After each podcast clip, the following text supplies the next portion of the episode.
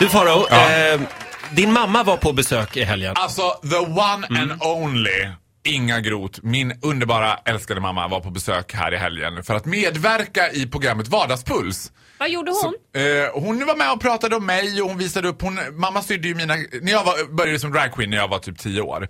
Eh, och då sydde mamma mina kläder. Hon sydde dragqueen-kläderna och då hade vi sån här typ Faro the Museum hemma. Så, så mamma gick runt bland dräkterna och bara Ja den här kommer jag ihåg att jag sydde 99 när Charlotte Perrelli vann. Det var ju väldigt svårt med de här flamesen att få till dem.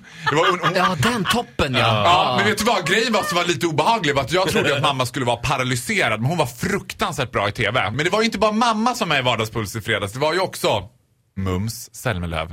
Ett magiskt möte skulle jag vilja säga. För Jaha. jag var ju lite nervös innan. Jag tänkte att det här var ju första gången som jag och Måns skulle så att säga sammanföras. Och eh, ni vet ju att jag har ju inte skrät skrädigt orden vad det Skrätt. gäller. Skrätt. Nej, du har Och jag- varit ganska hård. jag har varit ganska hård, det jag, man säga, men jag tycker att det också har varit relativt nyanserat. Eh, men det börjar med att så här, Måns, eh, det är så här, Måns is in the building. Du vet, det börjar tissla så att Måns kommit, Måns har kommit nu. Så att, och plötsligt ser jag honom och jag tänker, och jag gud vad ska jag göra, vad ska jag göra?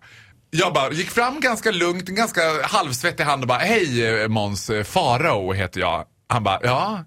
Jag blir lite starstruck, säger Måns. Med eh, ett utslag på, jag skulle säga 110% ironi. Ja. Jag brukar ju lyssna på dig på radio.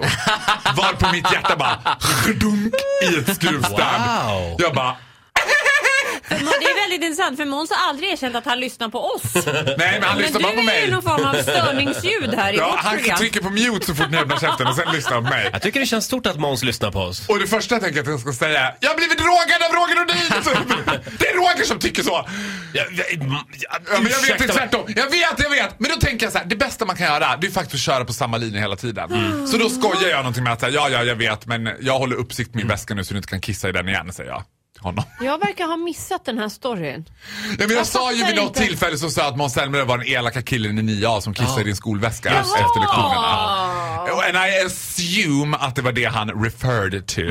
Men grejen var att det dröjde inte länge förrän jag blev precis lika biten av Måns-hypen som alla andra. För när Man- programmet... man blir lätt det. Ja. För när programmet var slut då var det bara Måns, Måns, Måns, jag tycker, jag kommer rösta på dig. Kan du känna ibland att du är en mediahora? Som, som nu släpper alla dina tidigare eh, åsikter om Måns och nu kindpussas ni och, och, och, och, dri- och dricker cocktail. Nja, eh, Roger Nordin, jag skulle säga att jag inte ser någon ändra uppfattning. Så skulle jag välja. ja, jag vet inte. Jag vill ju tro att det vilar liksom en bäst i Måns Zelmerlöw, men jag är osäker på om det gör det alltså. Så vill du ta tillbaka ditt tidigare uttalande? Nej, det vill jag inte göra. Han är fortfarande den elaka killen i klass 9A. Alltså han är ju fortfarande eh, en goody shoe, frökens favvo, du vet. Mm. Den som sitter längst fram och bara jag vet, jag vet, du vet.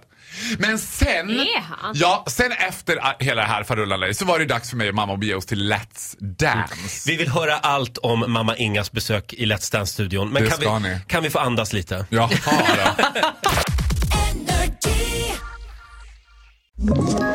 Ett poddtips från Podplay. I fallen jag aldrig glömmer djupdyker Hasse Aro i arbetet bakom några av Sveriges mest uppseendeväckande brottsutredningar.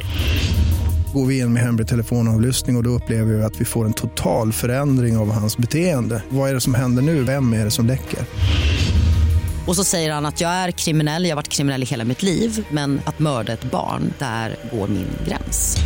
Nya säsongen av Fallen jag aldrig glömmer på Podplay.